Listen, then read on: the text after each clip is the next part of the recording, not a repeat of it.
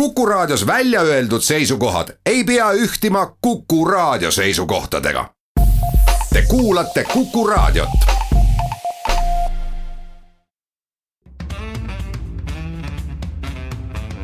muuli ja Riikoja tere päevast, head kuulajad, kell on seitse minutit üksteist läbi ja et on reedene päev, siis loomulikult ka saate Muuli ja Riiko aeg ehk Kalle Muuli ja Indrek Riika on stuudiosse tulnud. tere päevast alustame tänast saadet taas kord koroonaviiruse teemaga, sellepärast et eh, Eesti haigusjuhtumite arv on kasvanud nüüd nädalaga viiele. teiseks räägime Tallinna alkomüügi piirangutest, linnavalitsus on pannud volikogu poole teele. Eelnõu, mis eh, piirab siis öisel ajal baarides ja lõbustuskohtades alkomüüki need kellaajad on nii keeruliselt nädalapäeviti sõnastatud, et ma ütleks lihtsalt üldiselt, et varsti peab ikka väga kaine olema selleks, et aru saada, millal võib võtta ja millal mitte no võta vähem, siis on pro vähem probleemi ka arusaamisega. räägime ka sellest, mis toimub äh, Türgi ja Kreeka piiril ja, või ütleme siis Türgi ja Euroopa Liidu piiril ja sellest, kuidas Eesti sealse olukorra lahendamisse panustab. ja, ja neljanda teemana siis võtame jutuks niinimetatud töötuskindlustuse reformi, kus siis sotsiaalministeerium valmistab ette äh, seadusemuudatusi, kuidas siis muuta töötuskindlustuse hüvitise ja töötutoetuse maksmist paindlikumaks, suuremaks, uhkemaks ja rohkemaks.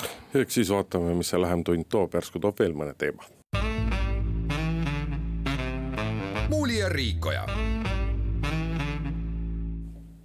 kui me nädala eest saime raporteerida Eesti esimesest koroonahaiguse juhtumist, äh, siis äh, selleks inimeseks oli Eesti alaline elanik, aga Iraani kodanik, kes Iraanist olid tulnud, siis äh, nüüd nädalaga on kasvanud haigusjuhtumite arv juba viiele ja ja mingites kohtades nagu tundub, et maad on võtmas kerget, kergemat sorti paanika, aga teisest küljest jällegi tundub, et inimesed siiski suudavad äh, kainet ja, ja, ja selget meelt äh, säilitada eks selle viie juhtumi puhul on oluline muidugi märkida, et kolm nendest inimestest on tegelikult inimesed, kes viibisid ühes lennukis, tulid Itaaliast, lendasid Riiga, kes sealt edasi, kes autoga. kes edasi lennukiga, kes autoga, et selles mõttes väga selgelt on nii-öelda nagu tuvastatavad, et kustkohast äh, need nakatumised pärit on.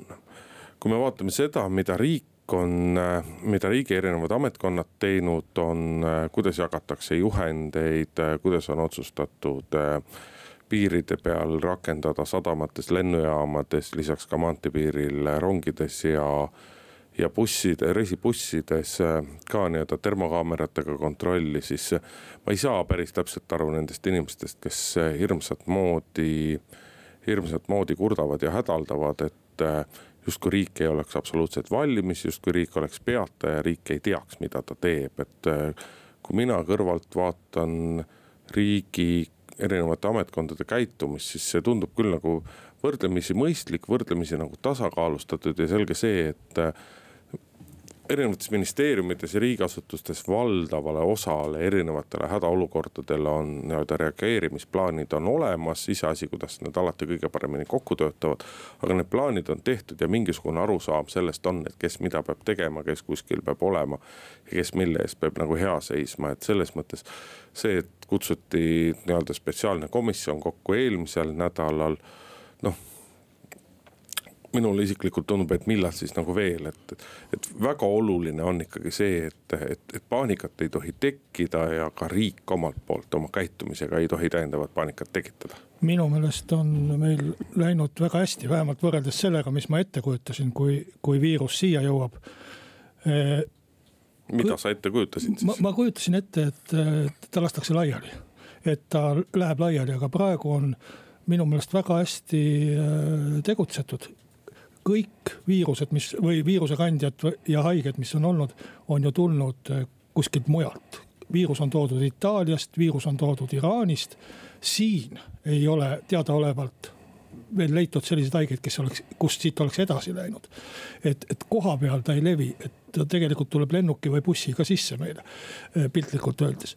ja, ja need, kes on siis sisse tulnud, on suudetud siiamaani tuvastada eh, ja, ja isoleerida, et nendest ei ole edasi läinud, see on minu meelest väga oluline see, mis Itaalias juhtus ja, ja mis näitab just äh, seda, kas tervishoiusüsteem toimib või ei toimi, kas riik toimib või ei toimi. Äh, Itaalia on selline klassikaline näide sellest manjana poliitikast, mis seal lõuna pool valitseb. noh, me näeme seda piiridel ka, kuidas nad ei suuda põgenikke tõrjuda ja nii edasi. et praegu on seal neli tuhat nakatunut kuskilt Hiinast toodi sisse või, või, või Iraanist, kust iganes. et põhimõtteliselt Eestis ei oleks mitte midagi samasugust välistatud, kui meie tervishoiu, tervishoiusüsteem ei toimiks. et selles mõttes meil on väga hästi võetud maha neid ja ma ei taha küll ära sõnada, mine tea, mis juhtub, et ega nakkus on nakkus ja, ja, ja võib ju juhtuda, et ei suudeta reageerida ja kõike kätte saada ja lähebki kuskilt edasi. aga niikaua, kui niiviisi suudetakse need nakatunud kindlaks teha ja, ja isoleerida ja hoida. et niikaua on põhimõtteliselt kõik korras, selge see, et lennukite viisi tuleb sealt Itaaliast neid inimesi ja, ja mõne lennuki peal võib veel keegi olla ja see arv kindlasti võib veel suureneda. aga kuni neid suudetakse isoleerituna hoida, seni on kõik päris hästi. millest ma ei saa aru kogu selle süsteemi juures, on Tartu arstidest. kahekümne viiendal veebruaril teatas terviseamet, et soovitab kõikidel nak-, äh, nakkuspiirkondadest või kriisipiirkondadest või ohtlikest piirkondadest saabunutel olla kaks nädalat pärast saabumist kodus. ja siis tulevad Tartu Ülikooli Kliinikumi arstid Itaaliast mitu päeva hiljem pärast seda äh, teadet ja hoiatust tulevad kõige nakkusohtlikumast piirkonnast, kusjuures see piirkond oli spetsiaalselt see ka selle terviseameti teates ära märgitud. Põhja-Itaalia ja konkreetsed provintsid. tulevad ja läheb järgmisel päeval tööle, arst ma saan aru, kui, kui, kui keevitaja, kes üksinda keevitab seal äh, mask näo ees ja, ja äh, arvab, et noh, pole midagi.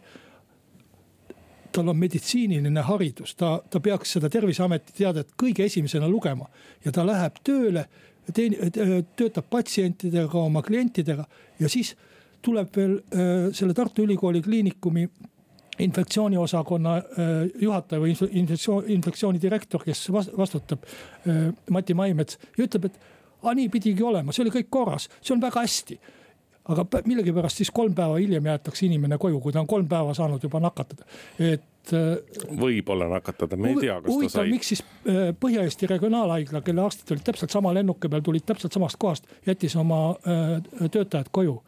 et see on küll nagu täielik, et kui seal Tartus vahepeal kaaluti kliinikumi esimehe vahetamist, siis ma hakkan tookord ma arvasin, et ei olnud, ei ole põhjust, aga praegu küll hakkab tunduma, et, et seal on midagi ikka väga korrast ära. no vot, see on pisut teine teema, aga vaata siin, ega siin ongi, et kliinikumi kliinikumi juhti ju tahetakse vahetada sellepärast, et ta tahab muudatusi teha, et vastupidi, võib-olla peaks niimoodi, et teda jõulisemalt nagu toetama, et need muudatused saaksid lõpuks ometi tehtud. eks see selline kahenädalane kodus hoidmine ega ta, ta siiski nagu on kahe otsaga asi. et äh, noh, mõtle nüüd äh, jah, ma saan aru, inimesed, kes on nii-öelda nagu, kes saavad äh, nii-öelda oma tööd teha ka kodukontoris, et ma saan sellest nagu täiesti aru, aga teisest küljest suur osa inimestest, valdav osa inimestest töötab ikkagi kohtadel, kus kodukontoris töö ei ole võimalik sealhulgas needsamad arstid, eks ole. et mida see tähendab, äh, mida see tähendab ettevõtetele ja asutustele, mida see tähendab neile inimestele endale sissetuleku osas. et noh, et ta on sihuke, ta on justkui nagu hea, lihtne ja, ja, ja justkui ka nagu tõhus meetod, aga, aga kuidas inimesed ja kuidas erinevad organisatsioonid sellega hakkama saavad, et see nagu on, see on nagu teine küsimus, et, et vot natuke see kaks nädalat läheb seda siiski sellesse suunda, et, et noh, et et kas see on päris adekvaatne meede, küsin mina. jah, selge see, et paljudel puhkudel inimestel ei ole see võimalik. teiseks tekib küsimus, et kes selle hüvitab, et kui ikkagi taksojuht tööd ei tee, kes talle selle palga maksab siis? või, või, või mis iganes. et meil siin raadios on ka ühel kolleegil näiteks plaanis aprilli teises pooles Lõuna-Itaaliasse minna, kas ta peaks pärast jätma kaheks nädalaks koju või ei peaks?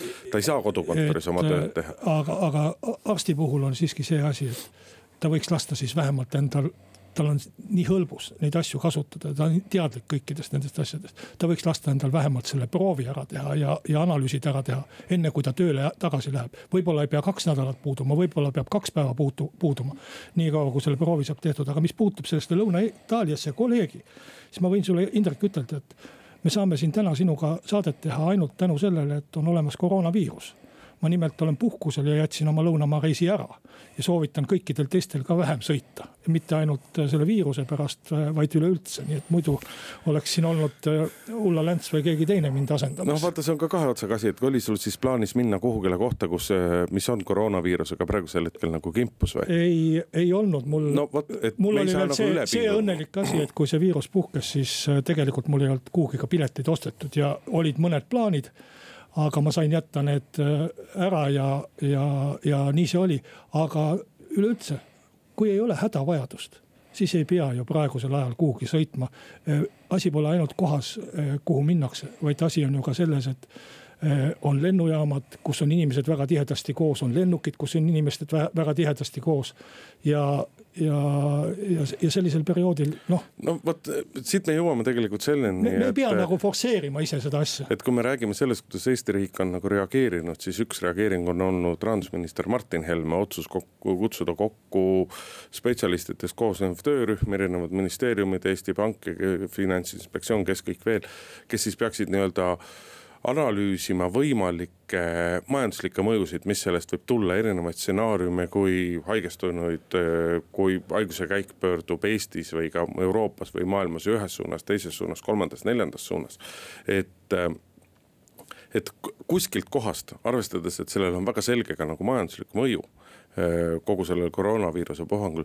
kuskilt kohast peab siiski nii-öelda nagu säilima see terve mõistus ja elu ei saa seisma jääda selle pärast, majandus ei saa seisma jääda sellepärast. et noh, jube lihtne on anda nagu soovitus, et, et mine, et, et, et ärge minge puhkusereisile ja kui teil ei ole hädavajadust, ärge minge tööreisile.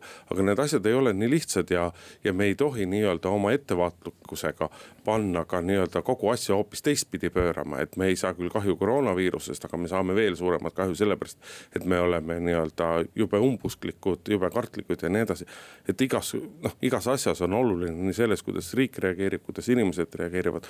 see nagu tasakaalukus ja mõistlikkus on see, mis, mida peab ikkagi ka nagu säilitama ja, ja, ja, ja mingisugustel hetkedel noh et sellega võib minna liiale, kuigi ei tohiks minna liiale, aga teeme siinkohal väikese pausi ja oleme pärast seda eetris tagasi. muuli ja Riikoja. jätkame saadet, Tallinna linnavalitsus on siis lõpuks saanud äh, valmis äh, öised alkoholimüügi piirangud, mis, mis on vist küll juba sügise algusest peale kõne all olnud ja mida siis on siia, sinnapoole natukene nihutatud, aga nüüd on siis äh, eelnõus see, et argipäeva eel oi, see on nii keeruline, aga ma püüan õigesti ütelda. argipäeva eel ei tohi alkoholi müüa baarides ja, ja lõbustusasutustes kella kahest kella kuueni ja, ja puhkepäevade eel siis kella kolmest kella seitsmeni ja oh, kasiinodes ja kuskil veel on, on veel tund aega hilisem aeg äh, lubatud. aga ei ole enam seda, et kasiinodes äh, piirangud ei kehti, mis oli sihuke suhteliselt. ei kehti üldse jah. jah, pentsik äh, pentsik lahendus eelmisel ettepanekul. no vot, oleme siis jõudnud siiani sellest ajast, kui ma mäletan veel, et Tallinna kesklinnas olid poed, mis olid ööpäev lahti ja kus müüdi kõiki kaupu, mis seal üldse müügil olid. putkad ka samamoodi. ja kakskümmend neli tundi ööpäevas sai osta, mida inimene tahtis, aga nüüd on kuskil ilmunud siis välja mingid inimesed, kes leiavad ja teavad paremini kui sina, Indrek ja mina, mida meil on kasulik osta ja mis kellaajal meil on kasulik osta mina ütlesin juba sügisel, kui need, kui nende ettepanekutega välja tuldi, et mina ei näe nagu probleemi, kui me mõtleme sellele, kuidas Euroopa riikides erinevates kohtades on reguleeritud alkoholi kättesaadavus, siis äh, isegi pärast neid kellaajalisi piiranguid äh, noh, eriti kui me nagu Põhjamaadega võrdleme, on see kõik ikka ju paras sihuke nii-öelda tikkimisklubi, kuidas need äh, osad ministrid meil arvestavad. vanasti oli selle asja nimi morsipidu. või mor-, vabandust, morsipidu no,. See, see sobib isegi teemaga rohkem. jah, just, et, äh, et selles mõttes, et, äh,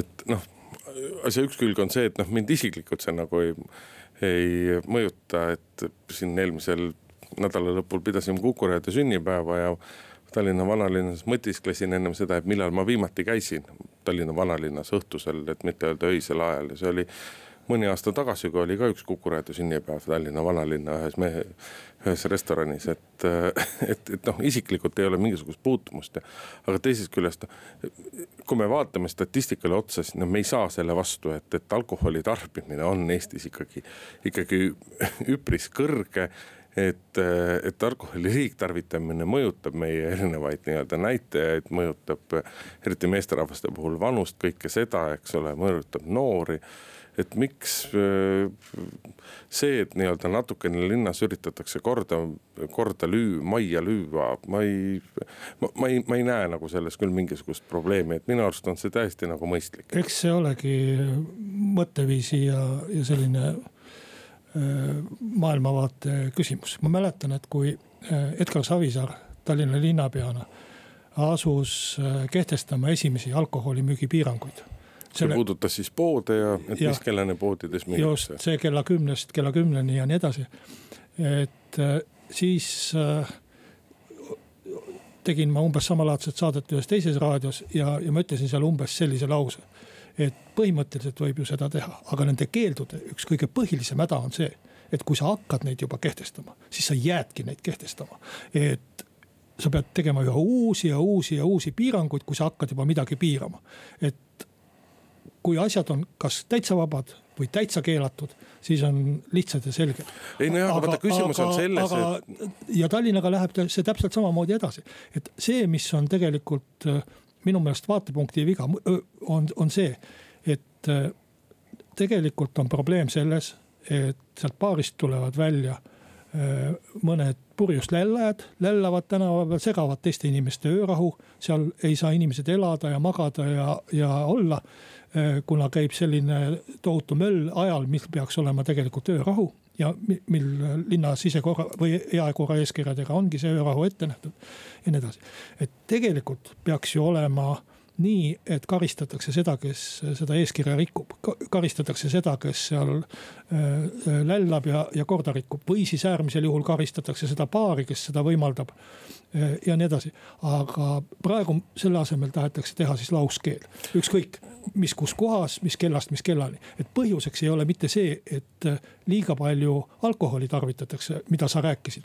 või et me liiga vara ära sureme või mis iganes, vaid põhjuseks on tegelikult see, et segatakse öörahu ja seda ei suudeta siis muul viisil, viisil tagada, kui keelatakse ära ka alkoholimüük seal võib-olla, et kus öörahu ei segata. no vot, see on natukene nagu lihtsustatud, natuke lihtsustatud näited, mis sa nagu tood, et mis puudutab alkoholi, mis puudutab tubakatooteid, mis puudutab narkomaaniat et noh, mis puudutab, ütleme siis niimoodi üldistatult meelemürke, seal on alati, neil asjadel on alati mitu tahku, et üks asi on jah, nii-öelda see konkreetsete, konkreetsete persoonide küsimus, aga seal on alati juures ka see rahvatervise aspekt ja, ja muud asjad ja noh, lihtsalt kui me nagu statistikale otsa vaatame, siis me näeme, et alkoholi tarbimine on. no Indrek, sa saad aru, et kell üks joomine ta, äh, äh, tapab tervist täpselt sama palju kui kell kolm joomine. ei, seda küll, aga, ja kui me vaatame seda, eks ole, mis toimub linnapildis, noh, ma küll tunnistan, ma ise ei ole näinud, aga kui ma loen reportaaže, kui ma kuulan politseinikke, kui ma kuulan vanalinna elanikke, siis siis see probleem on väga paljudel õhtudel väga tõsine probleem.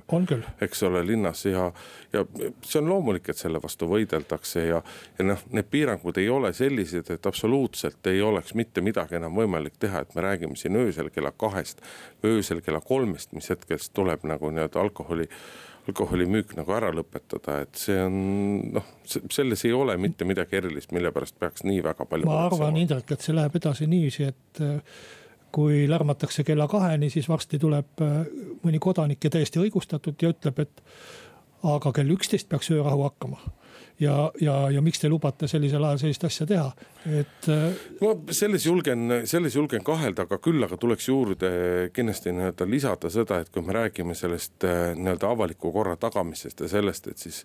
asja üks tahk on see need alkoholi müügipiirangud, aga teine tahk on see, et väga selgelt on see siis politsei, on see siis munitsipaalpolitsei, ka sinna tuleb täiendavaid ressursse suunata.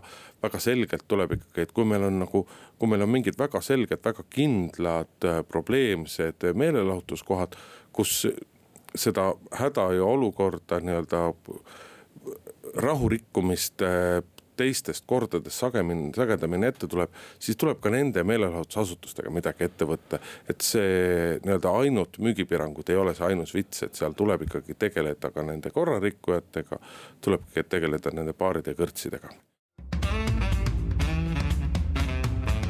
muuli ja Riikoja tere tulemast tagasi, head kuulajad Muuli ja Riikaja läheb edasi, Kalle Muuli, Indrek Riikaja on stuudios, räägime pisut sellest. sa tegid mis... mõttepausi sellise, et kas läheb ikka edasi? jah, korra mõtlesin, vaatasin sulle otsa. sain aru, et ah, võib teha küll, et koroonaviirus sul tõenäoliselt küljes ei ole ja muidu oled ka täitsa, täitsa mees. aga Türgi-Kreeka piiril või õigupoolest siis Türgi ja Euroopa Liidu piiril toimuv on nädal otsa hoidnud tegelikult väga paljusid inimesi ärevuses, äh, kuna Euroopa Liit ei ole Türgi jaoks piisavalt jõuliselt tulnud neid toetama nende tegevusel Süürias, siis on Türgi ähvardanud oma piirilt nii-öelda kõik tõkked kõrvaldada, et äh, pagulased ja põgenikud äh, saaksid vabalt Türgi poolt vaadates Euroopa Liidu poole minna ja loomulikult Euroopa Liit sellest vaimustunud ei ole. Eesti riik on teatanud sellel nädalal, et pisut toetatakse rahaliselt sealse sealset nii-öelda piiri valvamist, aga lisaks sellele saadetakse ka üks patrullkaater ja, ja selle meeskond siis äh, mingi aja jooksul ka appi Türgi piiri peale Euroopa Liidu poolt vaadates ja ega Eestil nagu midagi rohkemat teha lisaks diplomaatilisele ja poliitilisele toele ongi tegelikult nagu väga keeruline. ja kõrvalt vaadates tundub, et äh, kuigi nii mõnigi valitsuserakond võib-olla tahaks öelda, et ah, mis see meie asi on, las möllaku seal ise, kaitsku ise oma piiri, siis muidugi tundub, et tegelikult kokkulepped selles osas, et ikkagi mingisugust abi tuleb osutada, tulid nagu suhteliselt lihtsasti ja. ja et tegelikult saadakse ikkagi aru sellest, et Eesti peab panustama, kui me ei taha, et, kui me ei taha, et, et kui meiega midagi juhtub, siis keegi teine meile appi ei tuleks. noh, meil ka ju Narva piirist üks, ma ei tea pagulaseks on teda vist nagu palju nimetada, aga sõitis autoga läbi.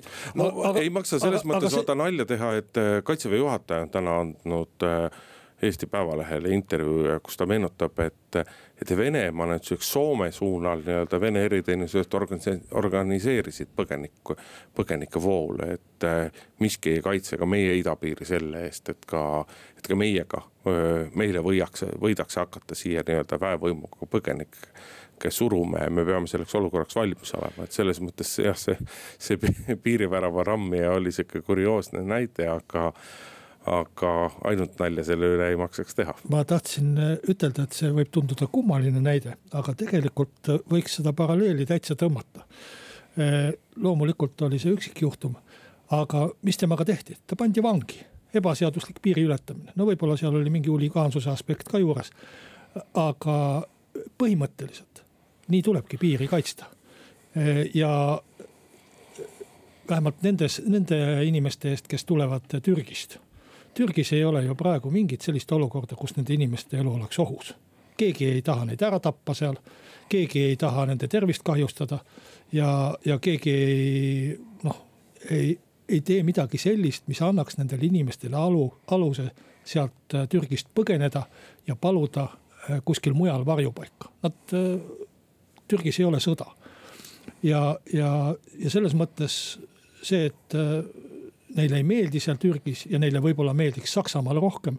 et see ei ole piisav põhjus neil äh, tulla Euroopasse ja ebaseaduslikult piiri ületada. nii et minu nagu selline suhteliselt jäik hoiak äh, vähemalt Türgist tulijate suhtes on see, et nendega tuleb täpselt samuti käituda, kui, kui Narva piiripunktis käituti selle piiripunkti ramminud mehega, et kui sa ebaseaduslikult üle piiri tuled, siis see on seaduse rikkumine, see on äh, kriminaalkuritegu ja sind pannakse vangi selle eest, kas lühemaks või pikemaks ajaks ja pärast vangistust saadetakse sind tagasi. ja see, mis, ja see, mis me peame seal Kreekas tegema, on see, et toetama kreeklasi selles, et nad suudaksid nad kinni pidada, kinni panna ja tagasi saata. ja, ja see ongi kogu poliitika seal.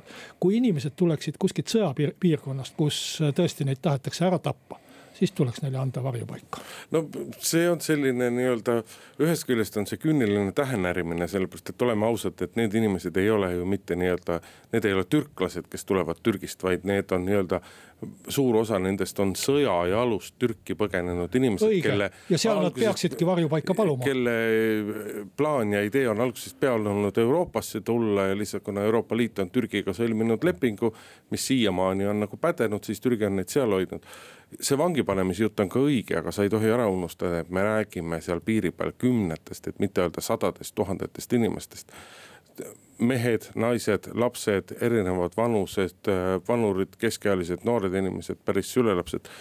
Eh, lihtsalt see hulk on nagu nii suur, et nad võib ju isegi kui nii-öelda tekitada ajutised vangilaagrid või kuidas iganes neid nimetada, et neid inimesi ei oleks, kuhu vangi panna. siis neid inimesi tuleb ikka üleval pidada, neid inim-, nende inimeste eest tuleb hoolitseda. ja, ja, ja paraku on pahatihti see olukord selline, et eh, Kreeka vangla või ükskõik millise Euroopa Liidu riigi vangla elu seal vanglas on nii-öelda oma olmetingimuste ja turvalisuse seisukohast ikkagi parem kui neil inimestel kodus. jah, äh, Euroopa Liit on. lisaks need kulutused. Euroopa Liit on läinud väga mugavaks ja see, et äh, Euroopa Liidu piir või piiri pidamine pandi omal ajal sõltuvaks mingit Türgi lepingust see oli minu meelest täiesti nonsenss, noh tal tol ajal võib-olla, et äh, nagu hädalahendusena äh, selline käepärane ja kõige kiirem. Äh, ja, ja pidas selle suure põgeniketulva kinni aga tegelikult ju pandi ennast sõltumast, sõltuvusse sellisest Türgi valitsuse poliitikast või heatahtlikkusest. ja see, mida Türgi seal praegu minu meelest teeb, ongi see, et ta lihtsalt tegeleb väljapressimisega no. see, see on kõige sa... elementaarsem väljapressimine Euroopa Liidult ja nendelt riikidelt, kes ei suuda oma piiri kaitsta. et äh, see on täpselt nagu, nagu koroonaviirusega, et kas riik funktsioneerib ja suudab täita oma ülesandeid või mitte. ja rääkida, et põgenikke on tuhat või kümme tuhat või sada tuhat. taevas teab, palju neid on, need andmed on nii erinevad ja üks riik, Türgi annab ühtesid andmeid, Kreeka teisi ja, ja Brüssel veel kolmandaid. aga igal juhul peab riik tagama oma piiri pidamise, ükskõik kui palju neid sinna piiri peale tuleb ja tõesti, võib-olla see Kreekale üksinda käib üle jõu, materiaalselt ka, ei ole tegemist just kõige rikkama riigiga. Aga me peame toetama teda, me peame talle raha andma, me peame talle tehnikat andma, me peame talle vajaduse korral ka inimesi appi andma. aga need põgenikud tuleb seal piiril kinni pidada ja sealt ei tohi nad edasi tulla. no vaata, sa oled muidugi oma jutus selles mõttes, kui sa teed kriitikat Euroopa Liidu aadressile, siis sa oled, sa oled küüniline ja ülekohtune selles mõttes, et kui me nüüd vaatame, eks ole, aastate taha, siis Türgi, Euroopa Liidu leping Türgiga tulenes sellest, et Euroopa Liidul oli nii-öelda oli olemas võimalus nii-öelda põgenikud vastu võtta, nende taotlused läbi menetleda, kelle puhul oleks, oli nii-öelda varjupaiga otsimine õigustatud, need enda juurde jätta kellel mitte, need piir, üle piiri tagasi saata, Euroopa Liidul olid kõik need võimalused olemas. Euroopa Liidu sealpoolsed riigid palusid abi teistelt riikidele, kaasa arvatud Eestilt, et aidataks seda koormust jagada, aidataks nende inimestega tegeleda. ja keegi ei olnud nõus, kaasa arvatud Eesti ei olnud nõus, sinu enda koduerakond oli üks aktiivsemaid, kes sõdis selle korralduse vastu. ja Türgiga tehti see leping nii-öelda noh võib öelda, et hädaolukorras, sest et see tundus nagu kõige valutum, see oli kõige lihtsamini vastuvõetav erinevatele poliitilistele jõududele. et anname Türgile raha selle eest, et Türgi ei hoiaks neid põgenikke kinni ärme topi väga nina sellesse, mis tingimustes need inimesed elavad, kuidas nad seal peavad hakkama saama ja kõige sellest. meie anname ainult raha, edasi on kõik, see on Türgi probleem, mis Türgis toimub, et selles mõttes ei saa ka nagu Euroopa Liidu suhtes ei ole mõtet nagu liiga kriitiline olla.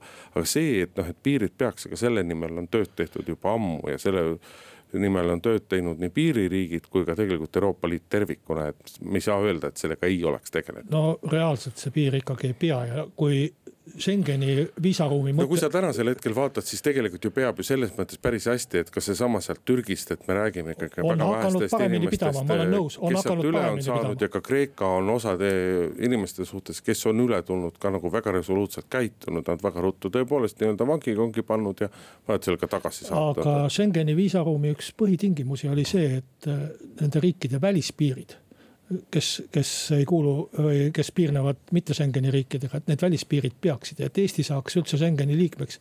oli meil ju omal ajal piiriga väga palju probleeme ja, ja, ja, ja selle pidamise ja, ja tõestamisega.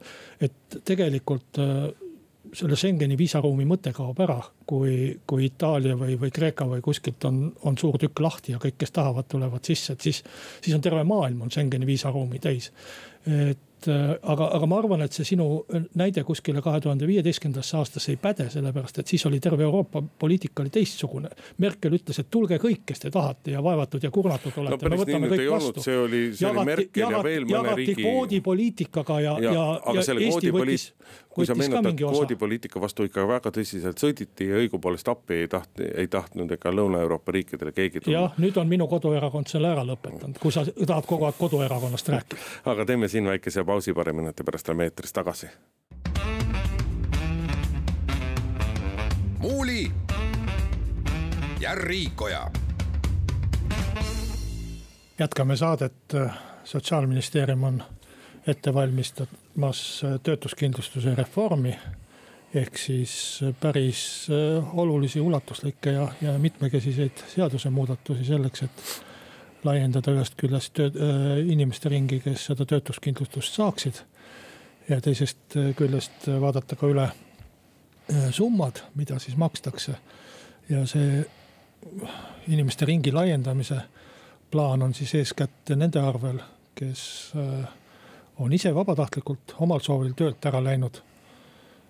siiamaani on tingimuseks pidanud olema tööandja algatus ehk siis koondamine või vallandamine.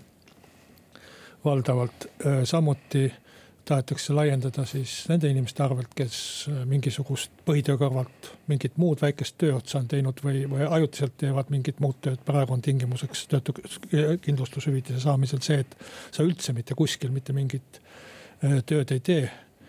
ja, ja noh, muid selliseid pisimuudatusi veel, vaadatakse staaži üle, et kui palju ja, ja kas üldse inimesel peab seda olema või võib talle ka ilma maksta. ja, ja muid selliseid asju, noh. Äh, võiks ju ütelda tõesti ühest küljest, et äh, kogu see süsteem on tänapäevastele töösuhetele mingis mõttes jalgu jäänud.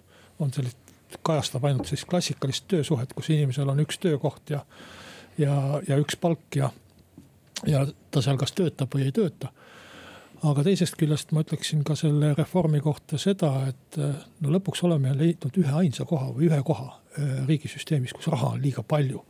ja, ja kus, kus tuleb mõelda selle peale, et kuidas seda laiali jagada ja kellele teda laiali jagada, aga sellisel puhul. ma võib-olla oma maailmavaatest tulenevalt ütleksin pigem seda, et kui raha on liiga palju, siis võtke vähem, et jätke maksumaksjale kätte ehk alandage siis seda maksumäära.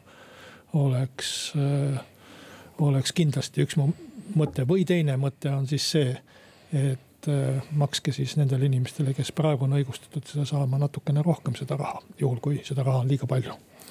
No kõige suurem probleem on see, et mina ei saa sotsiaalministeeriumi nagu selgitustes päris täpselt aru, et miks on seda vaja ja eelkõige, miks on just nimelt äh, vaja seda, et toetataks nii-öelda nii-öelda vabatahtlikku töötust, ehk siis juhul, kui inimene nii-öelda lahkub omal soovil ametist, et miks seda peab nii-öelda toetama ja kas seda peab toetama nagu tingimusteta, et kui üks inimene on, on töötanud mingisuguses ametis kümme aastat, viisteist aastat, kakskümmend aastat, on kogu aeg seda töötuskindlustusmaksu nagu maksnud ja kui tema nagu leiab sellel, leiab siis sellel hetkel, et tõepoolest, et võib-olla ta peaks oma elus uue lehekülje pöörama ja võib-olla ta peaks olema nii-öelda vabatahtlik töötu, ütleme pool aastat ja ta saaks ümber õppida, uut ametit õppida.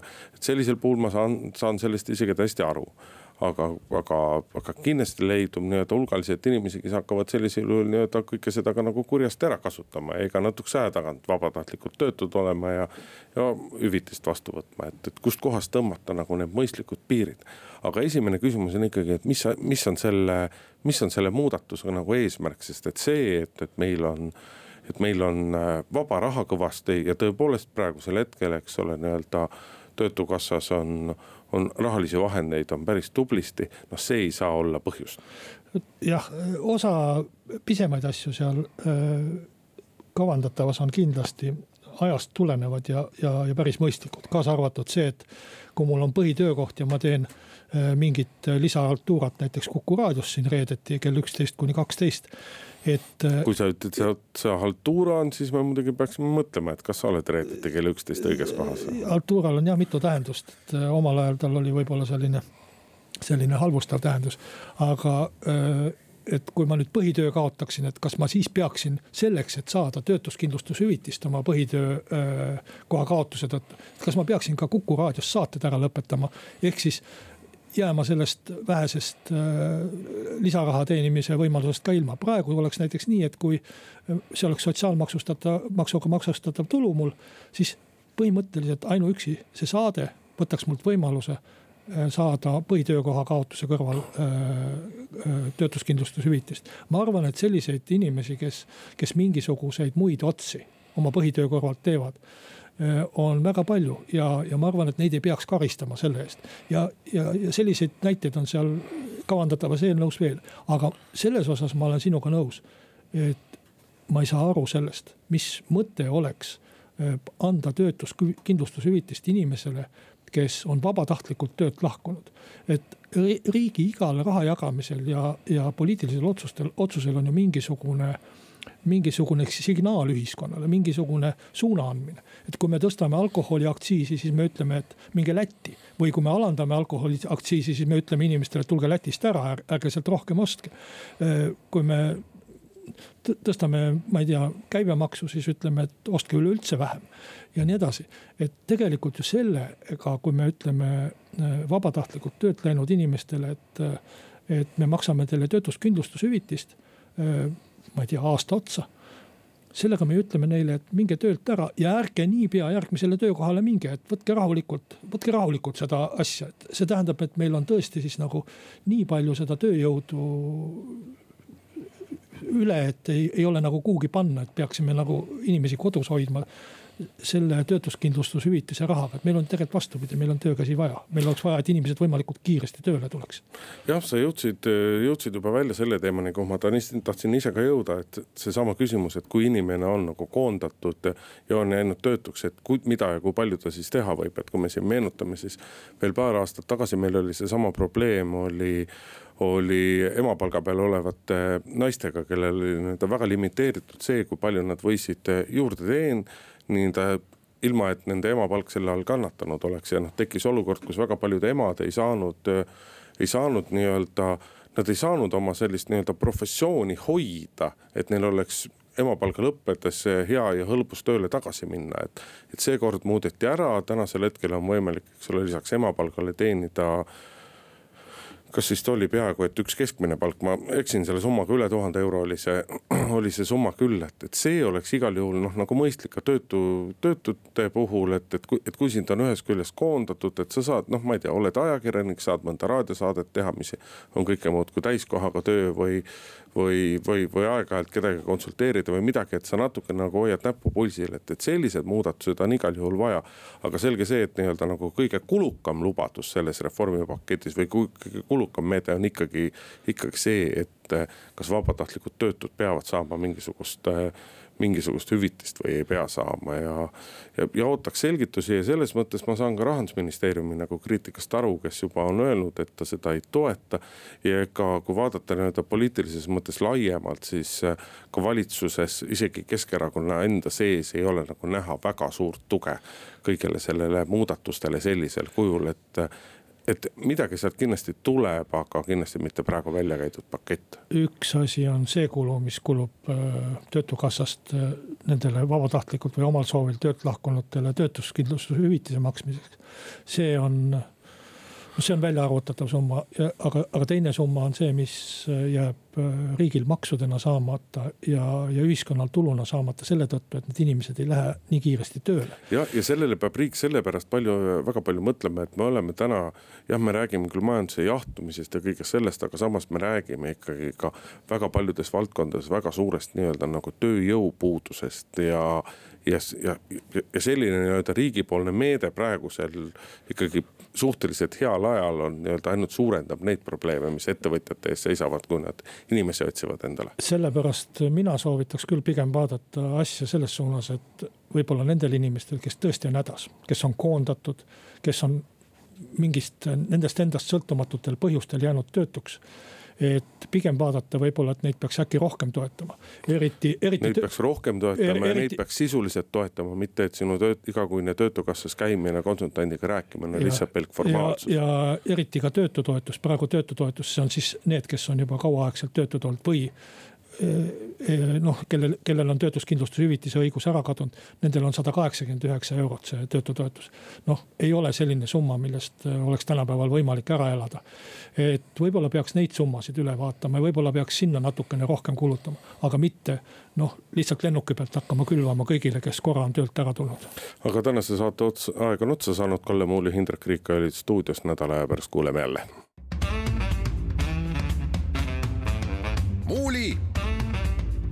Ja Riikoja